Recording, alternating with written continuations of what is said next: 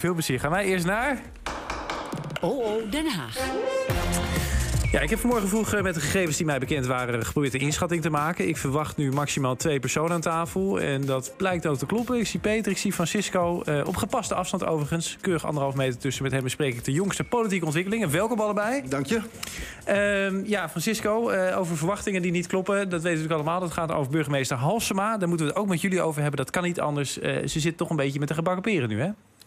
Uh, nou ja, dat ligt er. We moeten kijken, er komt een debat over hoe ze eruit komt. Er zijn natuurlijk een heleboel dingen gebeurd. Uh, Hals, uh, wat daarbij ook meespeelt, is dat Femke Halsema is toch een beetje de Hillary Clinton van de Nederlandse politiek. Ze heeft het altijd gedaan. het gaat altijd over haar, but her e-mails. Weet je, het is altijd irrelevant. dit soort dingen gebeuren vaker. Ik kan me herinneren dat er een andere demonstratie was waarvan gezegd werd: we konden ze niet tegenhouden. Ook al mocht het niet, we konden ze niet tegenhouden. Al die mannen op die trekkers. De politie zei we kunnen ze niet tegenhouden. Want ja, daar hebben we de middelen zelfs niet eens voor. Uh, dan moet je tanks gaan inzetten. Nou, daar, daar, hoor je niemand meer over. Terwijl ik dacht, oké, dat betekent toch nog wel wat... dat de overheid zijn macht kwijt was. Hier zag je iets gebeuren. En dat vond ik eigenlijk wel belangrijk. Dat niemand had dit verwacht. Niemand, zelfs de organisatie niet. Dus kennelijk is er een grote opkomst. Het is een van de grootste demonstraties ter wereld. Mhm. op dit, uh, buiten de Verenigde Staten uh, over dit onderwerp. er is kennelijk een hele grote stroming in Nederland... die niet herkend wordt. Waarvan wij niet weten dat die bestaat. Nee, maar los daarvan kun je zeggen van, hè, dat zij dan uh, kritiek krijgt... Uh, hè, al zolang als haar loopbaan duurt, ook uh, als, als voorvrouw van GroenLinks... dan staan er mensen aan de, aan de rechterzijde klaar om haar van kritiek te voorzien. Maar nu kwam het zeker niet alleen van rechts, ook bijvoorbeeld van, van Jesse Klaver. Ik snap heel goed dat mensen hun woede wilden uiten over het politiegeweld in de Verenigde Staten. Maar gisteren bij deze demonstratie waren te veel mensen aanwezig. Waardoor het onmogelijk was om die anderhalve meter afstand te bewaren. En dat is wel een harde afspraak die we met elkaar als samenleving hebben. Het was gewoon verkeerd. Het was gewoon verkeerd, van rechts tot links. Ik geloof dat iedereen vindt dat het verkeerd was. Dat is helemaal niks bijzonders. Alleen de vraag is, had je het kunnen voorkomen? En volgens mij, als je kijkt naar alles wat er gebeurd is... want bij, in het geval van Halsema, daarom zeg ik ook Hillary Clinton... er worden ook smerige stukje, uh, tactieken gespeeld. Hè. Zij, zij deed bijvoorbeeld die uitspraak, dat las ik... dat ze bij AT5 had gezegd, deze demonstratie is te belangrijk. Dan dacht ik ook, Oh, wacht even. Dat kan je helemaal niet zeggen als burger. Nee, dat was het ding. En zat dat, dat spelletje toch met... Gezegd, met uh, dat werd geschreven dat ze dat gezegd. Ze zegt, de demonstratie is te belangrijk. En haar uitleg is, ik bedoel daarmee het demonstratierecht. En dat, dat is echt wel plausibel. Dat is wel een beetje... Ja, wat jij, Peter? gewoon terug te horen. Maar het, ze zegt ik heb het vanochtend nog gecontroleerd. Dat, dat de demonstratie. Uh, en dat had ze anders moeten zeggen. Het, had, het demonstratierecht is belangrijk. Nou, Weet je wat wel een beetje helpt aan het beeld van Hillary Clinton? Dat is dat ze zelf ook niet heel grootmoedig is in het, uh, in het maken van excuus. Als je dat interview hebt gezien bij op één...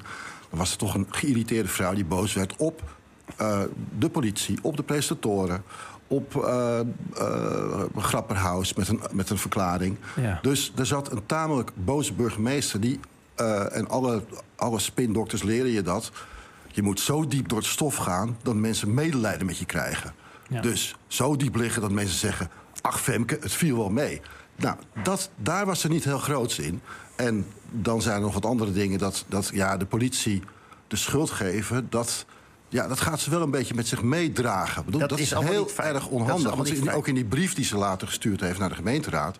staat tot drie keer toe, ja, ik zag het wel aankomen... Ik, voelde me niet gemakkelijk. Ik heb nog eens contact opgenomen met de politie. Maar die zagen ook niks aankomen. Mm -hmm. Ja, weet je...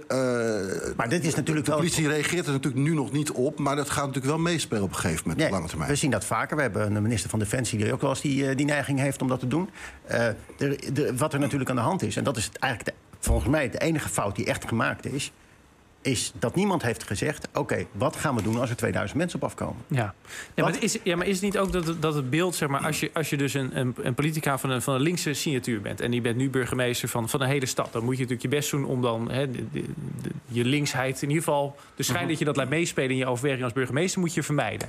En als je dan daar staat met, met een button op, die refereert dus aan meer nee, je soort van profileert. Button, die button, kijk, dit wordt ook weer allemaal in alle verhalen verwacht. Ik hoorde dat net ook in het vorige uur, ging het er ook even over. 1 juni is een hele belangrijke datum. 1 juni is het begin van de herdenking van de afschaffing van de slavernij. Ja. Daar slaat die button ook op. Ja. 1873 slaat erop dat het tien jaar duurde voordat die slaven... Hè, na de afschaffing van de slavernij duurde het nog tien jaar voordat ze vrij waren. Dat, dat is, daar slaat 1873 op. Ja. Ook fijne politiek. En dat, dat is er gewoon net zo min als 4 mei geen politieke bijeenkomst is... is nee. de afschaffing van de slavernij ook geen maar politieke ik, bijeenkomst. Toch zou je verwachten dat ze slimmer zou zijn. Want ik bedoel, jij hebt een burgemeester in Rotterdam... die heet Abu Talib, meen ik. En die kan zich soms uh, uh, uitspraken permitteren... juist omdat hij is wie die is. En dat, dat hij vandaan komt waar hij vandaan komt. Ik herinner me nog iets over... Uh, als het hier niet bevalt, rotten op naar je eigen land. Uh, aangaande de Charlie Hebdo-aanslag. Hij kon dat zeggen. Hij was ongeveer de enige die dat met, met gezag kon zeggen. Als je het... scheidsrechter bent, laat je juist zorg je dat je geen thuissluiter bent. En je zorg je dat het duidelijk is dat je onpartijdig bent. En dat, die schijn heeft ze niet weten te vermijden. Nou, mag, ik vind het goed dat je over Abu Talib begint. Want hij heeft natuurlijk precies hetzelfde meegemaakt. De hoek van Holland rellen. Dat is eigenlijk Zeker. ook. Niemand had door wat daar aan de hand was. Niemand voorzag dat dat een probleem zou worden. Niemand, en ik mag ook, daar, daar is een dode bij gevallen. Daar zijn gewonden bij gevallen. Het was een grote ramp. Dat, is echt, dat heeft hij overleefd. Omdat mm ook zei van ja, niemand kon dat weten. Zoals dat hier ook zo is. Ja. En uh, er is een belangrijk verschil. Eigenlijk voeren we dit debat nog te vroeg. Want we weten niet wat de gevolgen zijn. Als nou blijkt over twee weken dat er gewoon eigenlijk helemaal niks aan de hand was. Ja. Dus kijk maar, sorry. Als er over twee weken blijkt dat iedereen besmet was, dan heeft ze een heel groot probleem.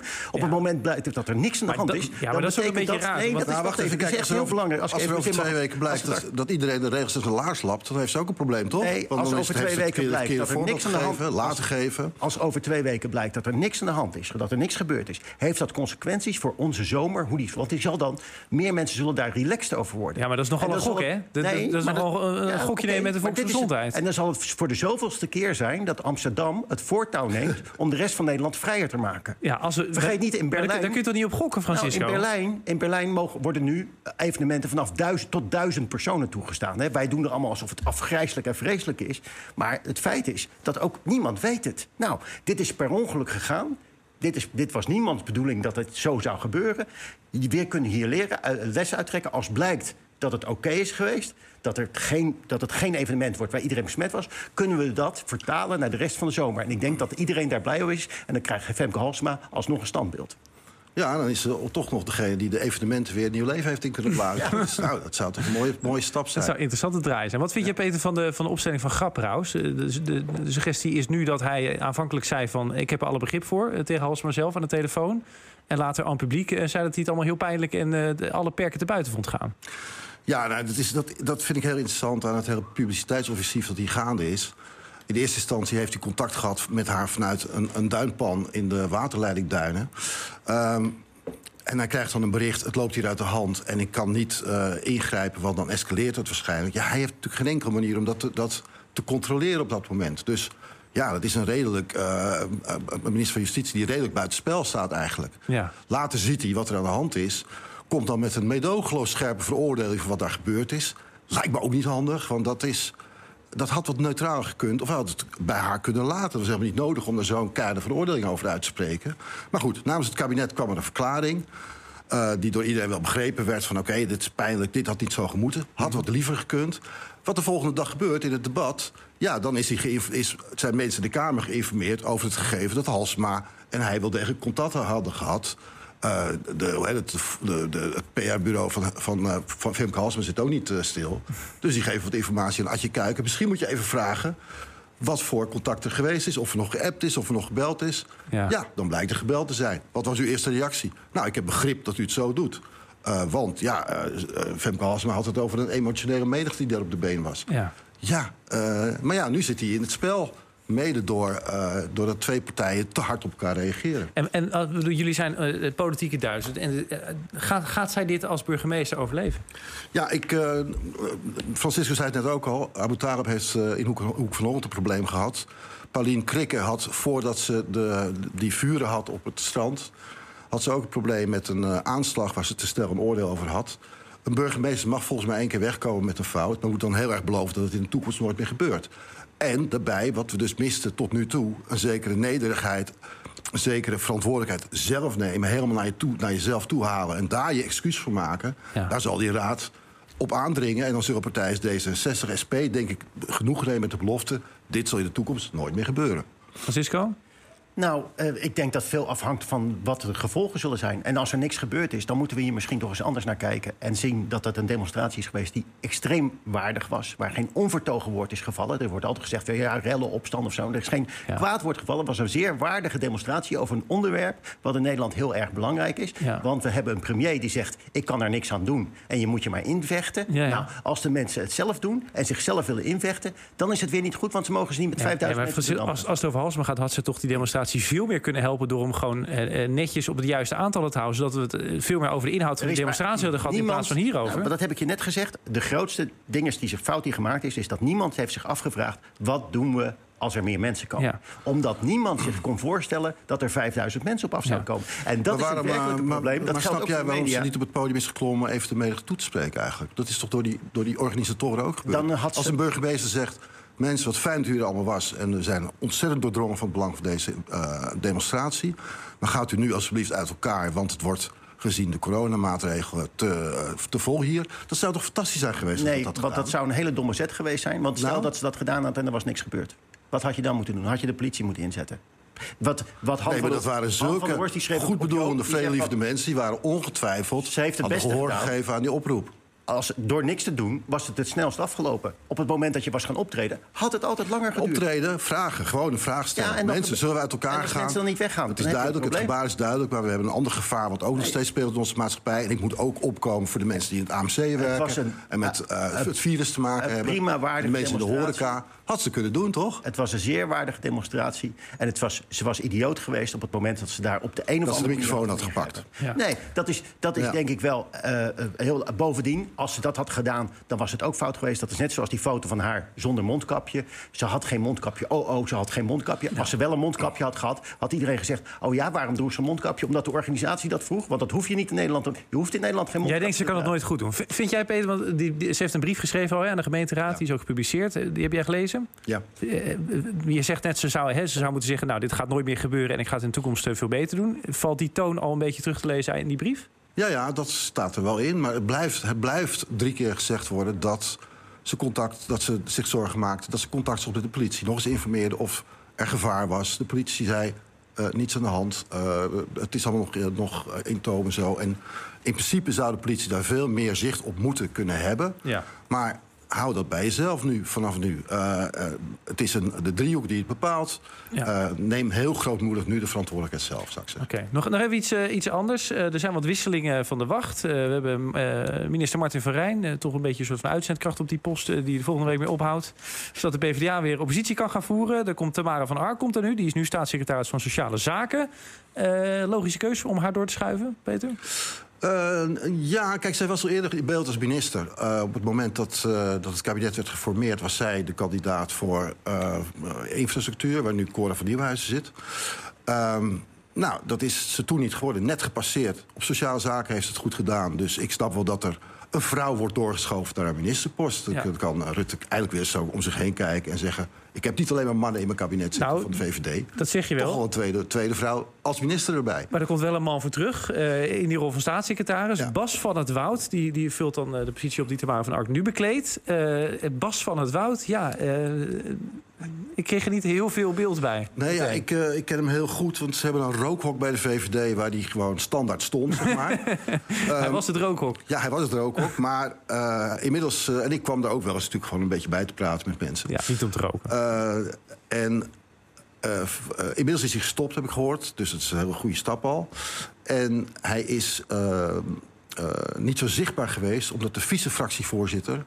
dat is, dat is het corvée-baantje van eh, de fractie. Dus die moet iedereen in, in toom houden. Die moet contacten houden met de andere partijen. Maar die heeft zelf geen portefeuille. Dus die zie je nooit in de Kamer achter een spreekgestoel Maar jij herkent hem. Wie is het? Wat is het voor iemand? Het is een, eh, eh, een jongen van 41 die eh, deze taak subliem heeft, heeft uitgevoerd. Volgens Rutte gewoon de meest loyale persoon die hij kent. En zonder ego. Nou, dat, wil, dat, is, dat is heerlijk voor Rutte natuurlijk. Een, eh, een man die gewoon heel goed zijn taak uitvoert. Ja, maar hij heeft wel een eh, sociale zaak is niet per se een makkelijke portefeuille. Dus eh, ik heb hier kort geleden nog een gesprek gehad over de, de nieuwe waaijongregeling bijvoorbeeld. Allemaal dingen die daar. Nee, maar kijk, ja, wat hij op zijn bordje krijgt is die TOZO-regeling. Dat is dat, de, de regeling voor de ZZP'ers. Oh ja. En dus het gaat om heel veel geld, ze- zeker nu in coronatijd. En hij gaat ook over armoede en ehm, schuldhulp. ja. Nou, ik denk dat dat pakketje ook wel wat toeneemt de komende jaren. Dus dat, dat wordt wel een zware post. Ja, en hadden ze dan niet, als je zegt, nou Rutte is heel blij dat hij nu een vrouw aan zijn ministersrijtje kan toevoegen, hadden ze dan niet daar ook eh, voor de staatssecretaris weer een. eh, Ja, je kunt toch niet alles vragen? Promoveert een vrouw tot minister? Is het weer niet goed? Francisco? Eh, Wij Tamara zitten toch ook een witte man aan te praten, Renze, of niet? Nou, wij, wij, wij, wij zondigen hier aan tafel eh, de- eh, as we speak. Toch? Het is, het is allerminst een divers gezelschap wat hier zit. Eh, Tamara van Ark heeft volgens mij eh, gisteren een wet verloren in de Eerste Kamer. Die ze, als ze een beetje handig had geopereerd, misschien. Ik ben blij dat ze hem verloren had, want het is een rotwet. Maar ik denk dat als ze een beetje handig had geopereerd, had ze hem wel er doorheen kunnen krijgen. Ehm, dus ik weet niet hoe ze dit gaat doen. Het is een beetje de vraag. eh, van, ja, het is een manager, dus in die zin lijkt ze ook een beetje op Martin van Rijn. Dus een ambtenaar. Het is wel zo bij allebei de, twee deze figuren lijken uit de kring van vertrouwelingen van Rutte te komen. En je kan inmiddels wel constateren dat de VVD de grootste partij is met de kleinste elite. Er is eigenlijk een heel klein clubje mensen wat in aanmerking komt voor een functie. En eh, de rest niet. Is dat, Dus, eh, en dat- dat- ik hoor een beetje doorklinken, dat vind jij geen goede zaak. Nou, het, weet je wat het is? Het is eigenlijk zo in strijd met wat er uh, altijd beweerd wordt. En het is zo in strijd met. Er is hier, wij hebben hier, we gaan hier altijd zo trots op dat het fortuinisme de Nederlandse politiek heeft opengebroken. Hè? Want dat je niet meer allemaal dit soort types. Alles wat er nu uh, die posten krijgt, dat zijn de mensen waar Fortuin zich tegen verzetten. Nou, uh, daar hoor je niks meer van. En het is opvallend. Dat is opvallend dat je daar niks meer van hoort. Nou, weet je, ik denk dat, uh, dat de les is uit het verleden... dat mensen die van buiten de politiek komen... dat die nog wat schade aanrichten. En dat, Dat ze, daarom. Dat denk dat ik ze ook. daarom kiezen voor mensen Ja. die ervaring hebben in zo'n fractie... die ze Maar goed misschien, kennen. misschien dus moet die, dat, dat en eens die een het keer politieke geconstateerd bedrijf worden. uh, Misschien moet dat eens een keer geconstateerd worden dat al dat geklets over dat je verfrisse ideeën moet hebben en mensen van buiten die het beter zouden doen, want dat ambtenaren niet deugen, dat we daar eens een keer mee ophouden. Oké, zullen we het hierbij houden? Nou, wat doen we deze keer dan? Tot volgende week graag. Dag, Peter K. en Francisco. Violen. Hoi.